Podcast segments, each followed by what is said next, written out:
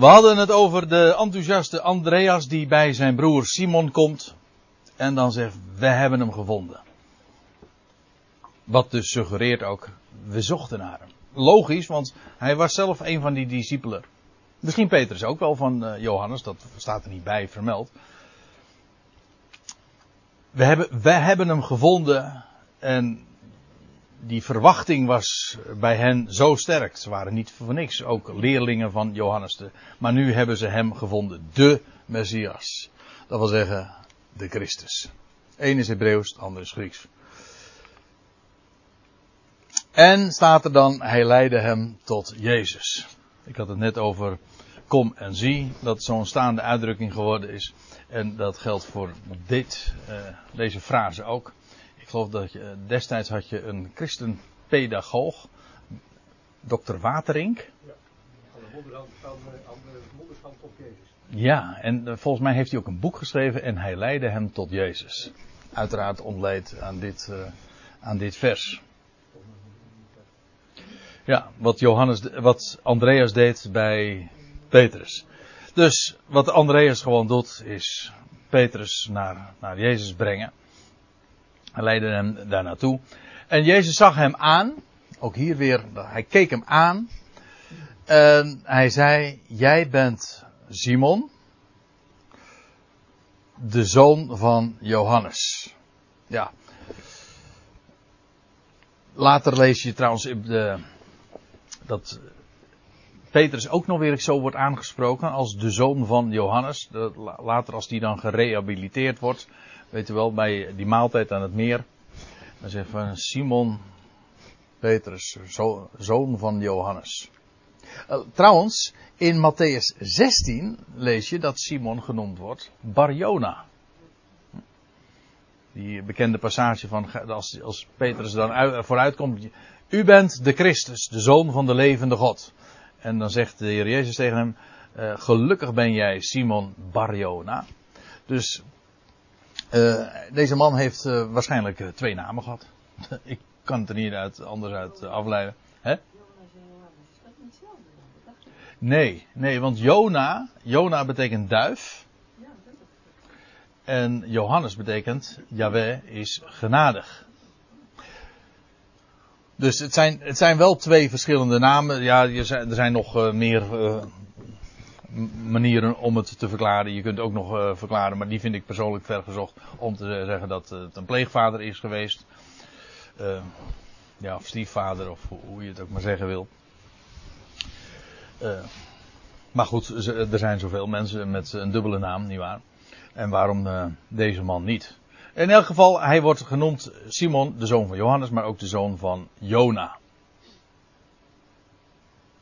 En uh, dat uh, de zoon van Johannes, ik zei er al even uh, wat eerder wat over, dat is natuurlijk wel een heel veel voorkomende naam in dit, alleen al in dit hoofdstuk. Je struikelt erover, want hoe vaak wordt deze naam in dit hoofdstuk, ik heb niet geteld, maar dat wordt toch heel veel keren genoemd. Maar over drie keer, drie verschillende personen. Ik wil er nog even aan herinneren. Johannes betekent, Yahweh is genadig. En dat is eigenlijk ook wat, uh, ja, als, een, als blauwe letter over dit hele evangelie staat genoteerd. Yahweh is genadig. Dat is waar Johannes van getuigt. alleen al qua naam. Maar we kwamen dus Johannes de doper tegen. Johannes de schrijver een van de twaalf discipelen. En nu dus ook nog eens een keertje Johannes, de vader van Andreas en Petrus. Die heette ook zo. Dus je zal, als je het hebt over Johannes, nog eventjes je moeten duidelijk maken van over wie heb je het. Trouwens, er zijn nog meer Johannes Noord. Eh, er wordt wat gehannes, ook zeggen, in het uh, Nieuwe Testament. Maar uh, je hebt ook nog, schiet me zo ter plekke te binnen, Johannes Marcus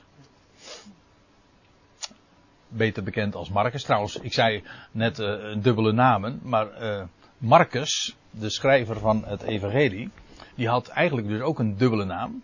Johannes Marcus. Dus uh, ik heb niet zoveel moeite met de vader van, van Petrus, die ook kennelijk een dubbele naam heeft gehad. Johannes. In het Hebreeuws zeg je trouwens Johanan.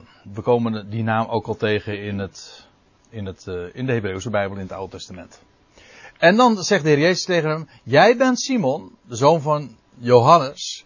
Maar jij zult, niet, dat betekent niet je moet, maar dat is een voorzegging dus. Je zult heten Kevas. Dit is dus een voorzegging. Je zult Kevas heten. Nu, niet je heet vanaf nu Kevas, maar je zult Kevas heten. En wanneer dat is, nou dat is niet zo moeilijk, want dat vinden we dan weliswaar niet in ditzelfde evangelie, maar wel in Matthäus. En ik heb er nou al een paar keer aan gerefereerd. Aan als de Heer Jezus dan vraagt van, als hij dan helemaal in, in het noorden van Israël is, in de omgeving van Caesarea Philippi. Onlangs heb ik er in Soetermeer nog over gesproken. Dat hij vraagt van wie, wie zeggen de mensen dat ik ben? En dan uiteindelijk, maar wie zeggen, jij, wie zeggen jullie dat ik ben? En dan is het Petrus die het woord neemt en zegt: U bent de Christus, de zoon van de levende God. En dan krijgt hij te horen: Jij bent Petrus. Nee, gelukkig ben jij, Simon. Hoe staat het nou? Zegt hij daar Bar Jona? Uh, Simon, gelukkig ben jij Simon Bar. Dat, dat Jona heeft volgens mij dan meer betekenis dan alleen maar het feit dat zijn vader misschien twee namen Ja, lijkt mij ook ja. Dan, dat zegt hij natuurlijk, dat is niet per ongeluk. Nee, en ik denk, eerlijk gezegd ook, dat die verwijzing naar Jona ook weer te maken heeft met, ja, met de duif. Dat is één ding. Uh, die daar boven de wateren. Dan denk ik trouwens ook meteen weer aan de zondvloed. En dat venster dat geopend werd, dan die duif, die dan met, de, met, de, met, de, met die olijfduik. Maar ook aan Jona. Uh, het boek Jona. Die op de derde dag uit het water kwam.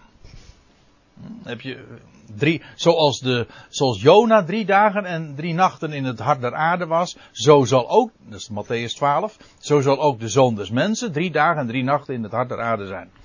Dus het teken, het teken dat Israël gegeven zou worden. Dat zijn toch schitterende associaties. Dus als de Heer Jezus zegt, dan bij die gelegenheid Barjona, dat is natuurlijk niet voor niks. En hier, zoon van Johannes, is ook niet voor niks, want juist die, die naam Johannes, die moet voor het voetlicht hier gebracht worden. Jawel is genadigd. En, en vandaar dat je er hier over struikelt. Maar dat Barjona heeft daar in Matthäus 16 wel degelijk ook betekenis. Kan niet missen. Ja, maar dat is wat uh, Kefas betekent. Want als de Heer dan zegt van, oh ja, want we waren bij dat, uh, ik was nog halverwege dat citaat van Matthäus 16. Gelukkig ben jij Simon Barjona, maar ik zeg je, jij bent Petrus. En op deze, nee, jij bent Petrus. En op, de, op deze, en op deze Petra zal ik mijn gemeente bouwen. Mijn ecclesia bouwen. Nou. En dat, uh, maar Petrus is exact hetzelfde naam als Petrus. Dat, die bewering kan ik gemakkelijk staven, want er staat hier namelijk gewoon zwart op wit. Jij zult heten Kefas. Dat, zo heette die niet. Andreas, zijn broer, heette gewoon Simon. Maar Jezus zegt, je zult Kefas heten. En pas later, en dat is dan een paar jaar later, pas, dat is kort voordat ze vertrekken naar Jeruzalem, om, waar de Heer dan ook overgeleverd gaat worden. Dan is het Petrus, die dus, Simon, die dan uh, zo openlijk ervoor uitkomt. Nee, openlijk, maar in ieder geval daar uh, zo uit, expliciet ervoor uitkomt. U bent de Christus, de zoon van de levende God. Bij die gelegenheid krijgt hij de naam Kefas. Op deze Petra, Kefas, zal ik mijn Ecclesia bouwen. Omdat, ja, zijn woord.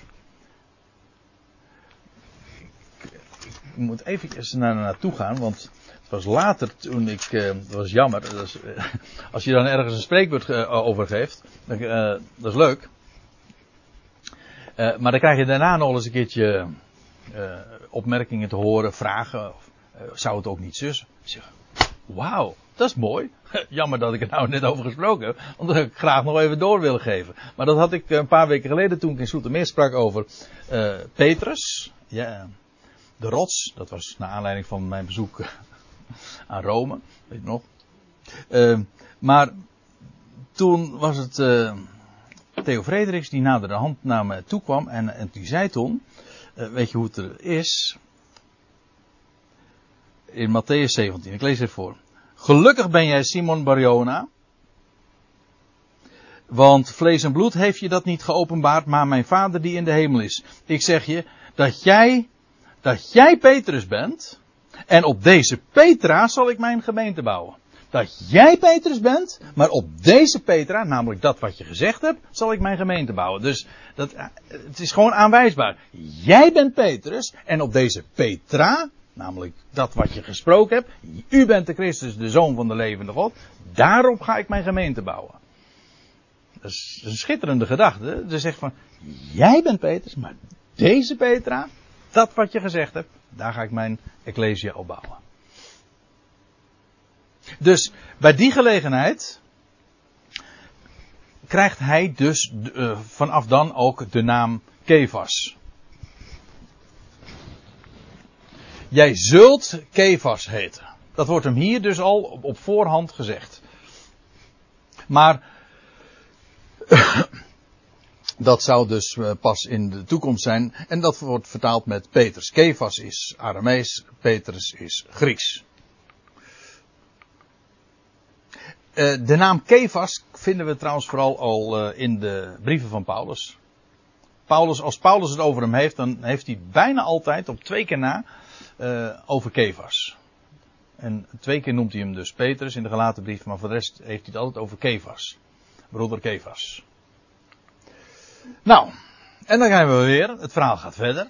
We weer een dag verder, de volgende morgen. En dat is dus inmiddels dag 4. Het is heel gemakkelijk te tellen hoor, in, uh, in, uh, in Johannes 1. En maar de climax krijgen we, niet meer vanavond, maar dat wordt de volgende keer. Ja, dat is namelijk in Johannes 2, als de, bij de bruiloft te Cana. Op de derde dag. Want daar, daar, daarom, daarom wordt er geteld. Daar moeten we namelijk uitkomen. Hier, dit is dus weer een dag later. Wilde hij, Jezus, uh, naar, uh, ja, wilde hij, ja, dit is nou wat uh, een arbitrair, want hier staat, wilde hij met een hoofdletter. En daarmee zetten de vertalers je meteen op het spoor, maar het kan ook een dwaalspoor zijn. Want dat is namelijk niet gezegd dat het hier over Jezus gaat. Het kan namelijk ook heel goed gaan over. Uh, kijk. Uh, jij bent Simon, de zoon van Johannes, en je zult Kefas uh, heten, wat vertaald wordt met Petrus. En de volgende dag wilde hij. Ja, wie is hij nu? was dat Andreas, waarover wie het in het vorige vers ging? Of is Petrus? Of is het Jezus? Kijk, de vertalers die hebben gekozen voor Jezus. En dat hebben ze heel simpel gedaan door het met een hoofdletter te, eh, te, te schrijven. Maar is niet gezegd, en eerlijk gezegd, denk ik dat het inderdaad Andreas of Petrus is. En nou, laten we even, laat ik eerst even doorgaan.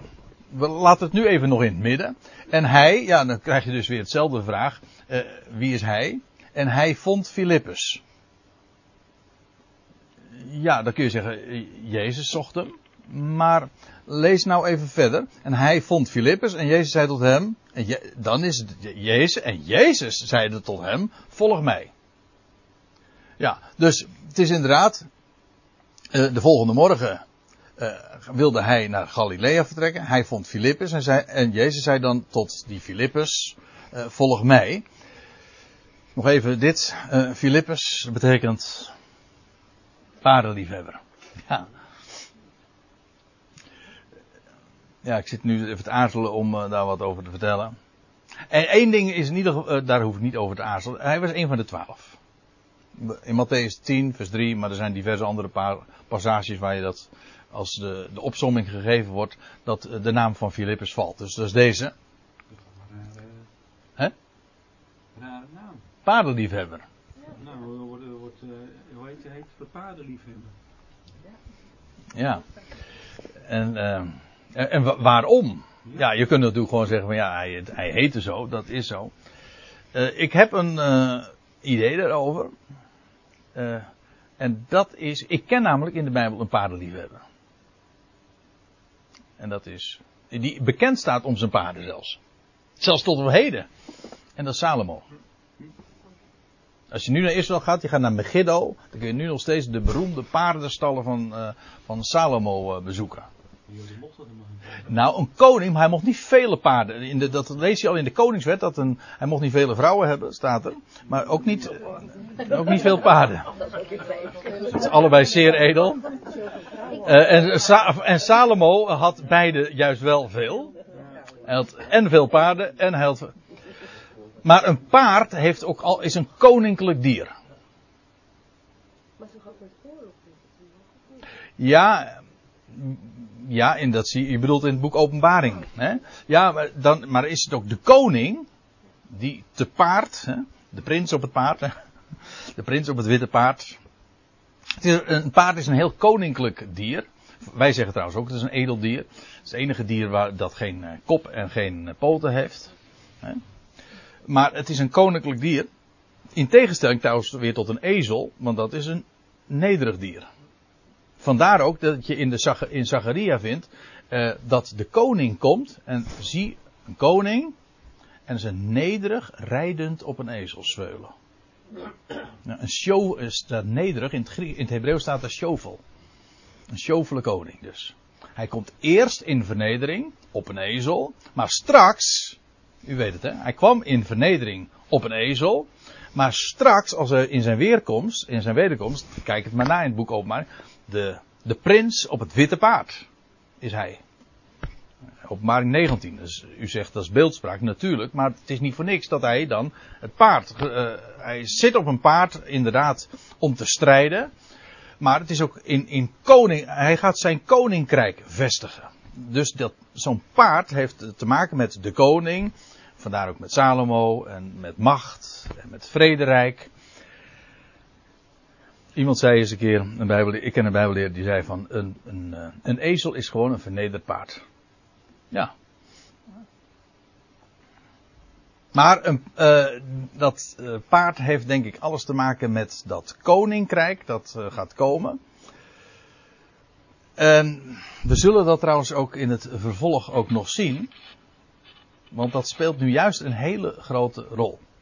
Ik geef hem even als suggestie door. Trouwens, later komen we deze Filippus ook nog weer tegen bij de spijziging. Als er, als, dan is het Filippus die naar Jezus toekomt van eh, hier die scharen van eh, wat moeten ze eten. En dan zegt Filippus van nou hier is een jongen met vijf broden en twee visjes. Filippus.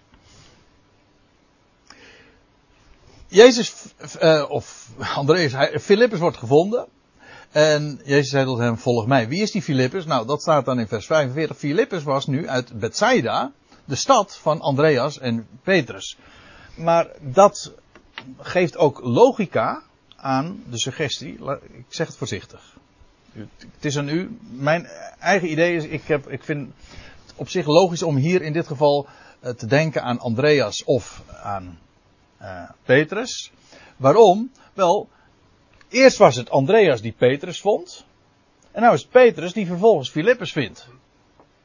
En waarom, en waarom zocht hij hem? Wel, ze kwamen uit dezelfde plaats. Filippus nu was uit Bethsaida, de stad van Andreas en Petrus. Dat geeft logica aan de, aan de verhaaltrand, namelijk dat hij hem vond. Hij zocht hem, het waren plaatsgenoten. En wellicht ook, was ook deze Filippus, en ik denk dat dat, eh, ook daar zijn goede redenen voor, maar u, zegt, u hoort dat, ik, dat dit, eh, ik, kan, kan het niet bewijzen, maar het zou heel goed dus kunnen dat zo ook deze Filippus en vervolgens Nathanael, die we straks zullen zien, tegenkomen, eh, allemaal discipelen waren van Johannes. Hoe dan ook, Filippus nu was uit Bethsaida. Bethsaida betekent huis van jagen, dat wil zeggen op vissen. Want, eh, even voor de goede orde, om het ehm, voor, een beetje voor de geest te krijgen. De Heer Jezus was gedoopt hier in Betanië. Ziet u het allemaal? Hier, eh, dat ligt dus helemaal in het zuiden. Dat wil zeggen in, eh, bij Judea. In het overjordaanse, beyond Jordan, Jordan. Aan de andere kant van de Jordaan, daar doopte Johannes. En dan vervolgens, hier ligt dus Galilea. En ze wilden weer eh, naar Galilea gaan. En eh, nou, ze gaan naar Cana toe. Daar zal straks eh, over een paar dagen ook de bruiloft plaatsvinden. Maar hier kwamen Andreas en Petrus vandaan, uit Bethsaida. Dus dat ligt helemaal aan de andere kant van het meer. Hier had je Capernaum, en Tiberias, maar dat ligt dus precies aan de andere kant. Bethsaida aan de noordkant. En daar kwamen Andreas en Petrus vandaan. En dus ook Filippus. En al, jij zegt dat helemaal daar, Johannes? Ja, hier. Maar volgens toeristisch idee dus niet zo in Israël. Want ze zitten helemaal bij de Galilea. Uh, ja, maar. Ja, maar het was toch echt in de. eh, daar. ja, nou je het zo zegt. Wijn uit water alles. Ja. Doopje Ja, maar. de- ja. Eh, ja, Waar men dat dan op baseert. eh, ja, die. eh, Vlak bij Tiberias. ik, ik, ik zou het niet weten. Want één ding is zeker. Johannes doopt op plaats niet hier in Galilea. Want ze gingen juist op naar Galilea. Dus, dus dat was in het zuiden. Dus ja, waar men dat op baseert, weet ik niet. Nou ja, de dikke duim van zulke eh, Nou ja, gidsen is wel vaker erg je kan dik.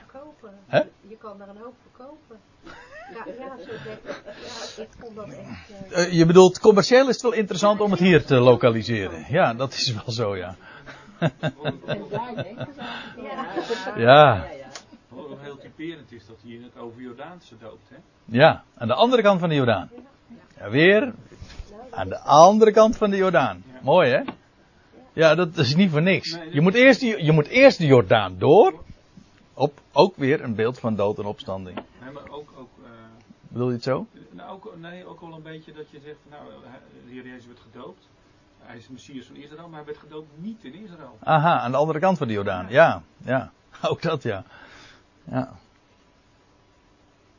Maar goed, even om dat dus eh, een beetje helder voor de geest te krijgen waar Bethsaida lag. En Filippus vervond eh, vervolgens Nathanael. Eigenlijk over Filippus wordt verder niks vermeld, want eh, over Nathanael des te meer. Filippus is eigenlijk alleen maar, om zo te zeggen, een rijdier. Hè? Hij brengt ons bij Nathanael. Filippus vond Nathanael, een mooie naam trouwens. Betekent Nathan is. Nathan is gave. En El is God, een gave van God. En dat is, ja, ik zeg vergelijkend met Theodor. Waarom? Omdat Theodor is eigenlijk Theodorus, komt van het, uit het Latijn. Theo betekent God en Doris is geschenk. Dat is een godsgeschenk. Dus de, Theodorus is de Latijnse variant van Nathanael. Filippus vond Nathanael en hij zei tot hem: Wij. Oh eh, ja, daar moet ik er nog even bij zeggen. Van deze Nathanael lezen we in Johannes 21, vers 2. Dat hij kwam uit Cana. Aha, en nou wordt het hele plaatje dus meteen weer helemaal scherp.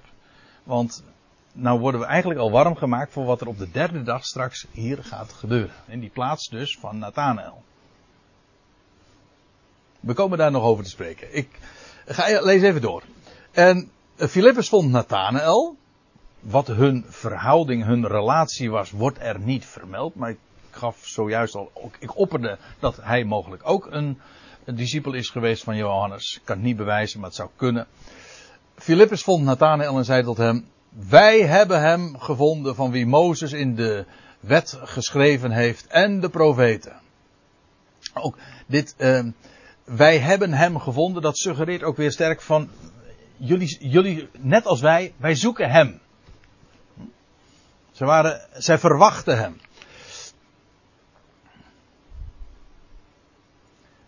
En daarom Nathanael en Filippus, ze geven zich ook meteen gewonnen. Dat was met eh, Andreas het geval, dat was met eh, Petrus het geval. En nu ook met Filippus en Nathanael. Ze zijn meteen, ze zijn meteen ook overtuigd. Ze eh, ze, het was een gewillig hart eh, bij wie deze boodschap ingang vond. Wij hebben hem gevonden van wie de Mozes in de wet geschreven heeft en de profeten. De hele Hebreeuwse Bijbel staat vol van die verwachting. Hij zal gaan komen.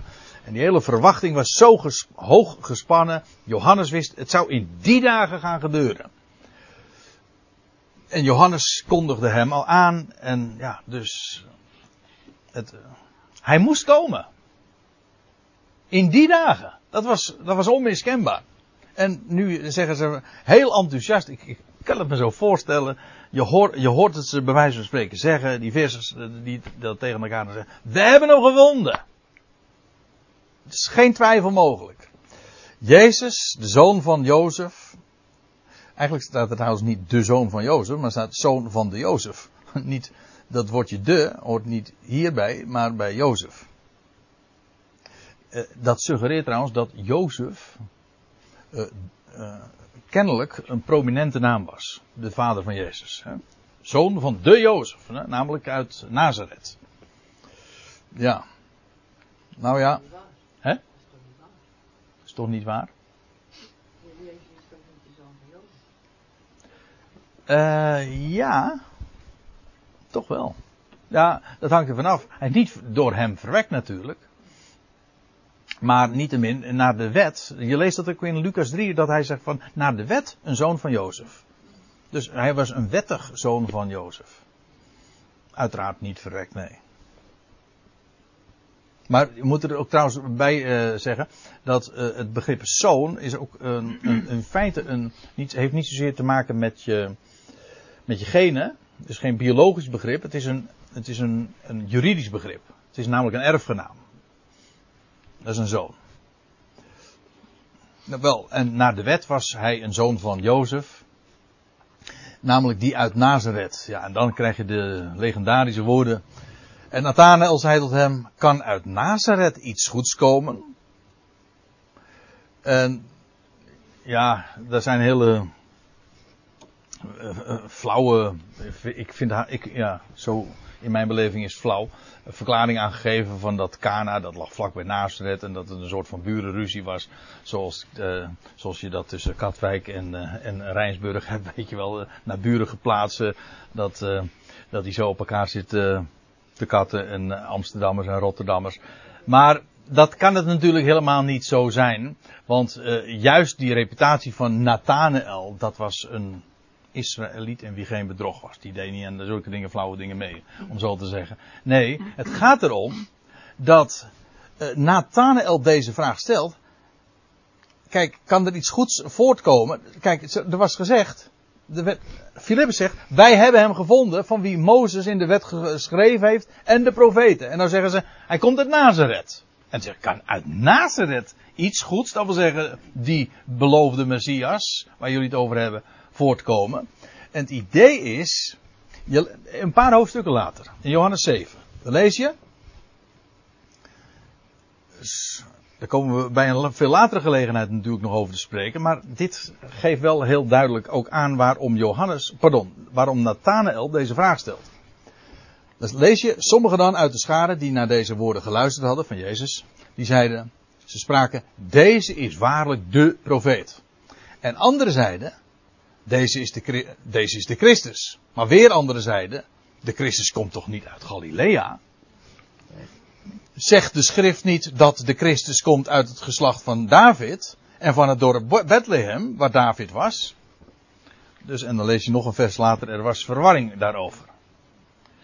En ja, dan zie je hoe, men, hoe mensen gemakkelijk, heel gemakkelijk, zomaar conclusies trekken uit gebrek, een gebrekkig aantal gegevens. Ze weten, de zoon van Jozef, of zoon van Jozef, uit Nazareth. Nou, dat kan dus nooit de Messias zijn. Niet wetend dat hij pas later in Nazareth gevestigd is. En dat hij wel degelijk geboren is in het dorp Bethlehem. In de stad van David en ook uit het geslacht van David. Nou, Jozef ook van Ja, zeker. En Maria volgens mij ook. Of in ieder geval, ja. Ja, ik heb, ik, in Soetermeer heb, heb ik ooit eens, zo'n een jaar of wat terug, hebben we toen een studie gegeven over die, dat begrip de Nazarener. Over de stad Nazareth. Netzer. Ja, dat dat een, een, een dorpje was waar allemaal uh, van origine uh, nakomelingen van David zich hadden gevestigd. Nou, ik, het is een heel verhaal om dat uh, nu te staven en om dat uit de doeken te doen. Dat was ook net buiten het bereik van de Ja, precies. Ja. En maar dat was dus eigenlijk een, een, een, een soort nederzetting waar, de, waar nakomelingen van David zich hadden gevestigd. En dat was uh, dus Nazarener, dus in wezen was een heel, toch wel een messiaans geladen begrip. Maar Nathanael zegt, ja, wacht even, maar de Messias komt niet, één ding is hij, komt niet uit Nazareth, maar hij komt, hij zal geboren worden in Bethlehem. Had hij volkomen gelijk in. Dus hij stelde een correcte vraag.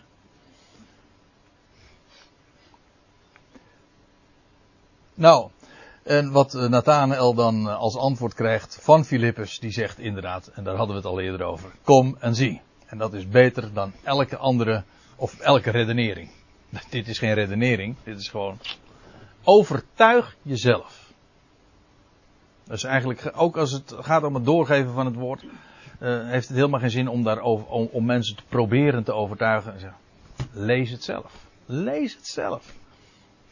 Kijk Kom en zie. Wij kunnen dat natuurlijk niet op die manier zo doen. Ik bedoel, we kunnen niet naar iemand toeleiden in de zin van. Uh, Jezus is nu niet op aarde, we, hebben, we zien hem niet. Maar wat we hebben is zijn de schriften. Nou, en dan lees je nog. Jezus zag Nathanael tot zich komen en zeide: Zie, dat wordt dus van Nathanael gezegd: Zie, waarlijk, een Israëliet in wie geen bedrog is. Het begrip Israël in het uh, Johannes-evangelie heeft een hele positieve klank. Het wordt maar een paar keer gebruikt trouwens. Meestal heeft het de Joden. En dat klinkt nogal, uh, nou geen deden klinkt daarin door, maar in ieder geval wel dat de Joden hebben zoveel erbij gemaakt. Maar Israël daarentegen heeft echt een uh, klank, dat zie je hier. We zullen nog een paar versen later ook zien. Zie waarlijk een Israëliet in wie geen bedrog is. Kijk, Israël is namelijk de gelovige Jacob. U weet het. Hij heet Jacob, de bedrieger. Hm? Maar Jacob werd Israël. En daar staat de naam dan ook voor. Ik vind dat een hele mooie in Jezaja 9 vers 8. Daar lees je de Heere heeft een woord gezonden in Jacob. En het is gevallen in Israël. Tot een ongelovig volk komt het woord. Maar als het valt, dan is het geen Jacob meer, maar dan is het Israël. Waarlijk een Israëliet in wie geen bedrog is. En Nathanael zei tot hem: Van waar kent gij mij? Jezus antwoordde en zei tot hem: Eer Filippus u riep, zag ik u onder de vijgenboom.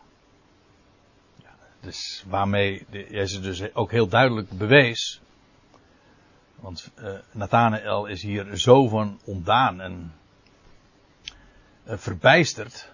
Want het was namelijk zo. Uh, Jezus bewees hiermee uiteraard de profeet te zijn. Die naar waarheid dingen kon spreken en openbaren. Die, geen, die, die menselijkerwijs gesproken natuurlijk helemaal niet kon weten. Waarmee ik niet zeg dat Jezus dus alwetend was. Natuurlijk niet. Nou, in de Evangelie lees je bijvoorbeeld. Uh, van die dag en die uren. Weet niemand. Ook de zon des mensen niet. Alleen mijn vader in de hemel. Weet, men probeert soms wel eh, uit zo'n vers dan af te leiden van ja, Jezus was alwetend. Dat staat er niet. Hij is de profeet. Hij kan goddelijke boodschappen doorgeven die hij menselijkerwijs gesproken natuurlijk helemaal niet kon weten.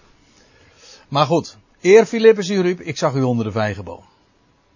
En daarmee is ook iets heel moois gezegd over die Nathanael. Want wat lees je? Uh, dat, dat hij onder de vijgenboom staat, is in wezen ook al zo weer een prachtige uitbeelding van het koninkrijk. Dat is het laatste waar ik nog even op wil wijzen.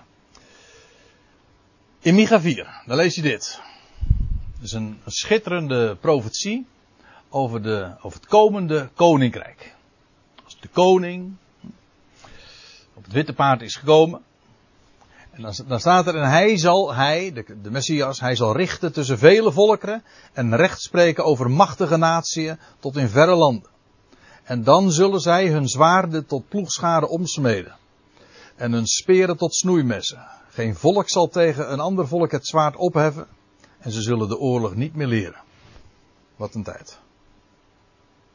Maar dan, maar zij zullen zitten, een ieder onder zijn wijnstok en onder zijn vijgenboom. Zonder dat iemand hen opschrikt, want de mond van de Heere, der Schade heeft het gesproken. Nou, uiteraard, hier wijs ik even op. Dat is precies wat Nathanael al vast deed. Hij verwachtte de koning, hij verwachtte hem die zou komen. En hij, zat, hij was al in de rust ingekeerd. Hij zat al onder zijn vijgenboom. Dat was die Nathanael. En dan zegt Nathanael, antwoordde hem en zeide, Rabbi, u bent de zoon van God. U bent de koning van Israël. Ja.